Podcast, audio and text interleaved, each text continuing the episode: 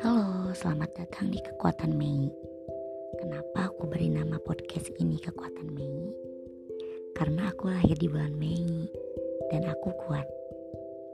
Ini podcast pertamaku loh.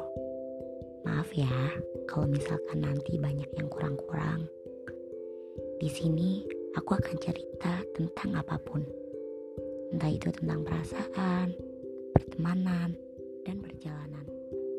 Selamat mendengarkan.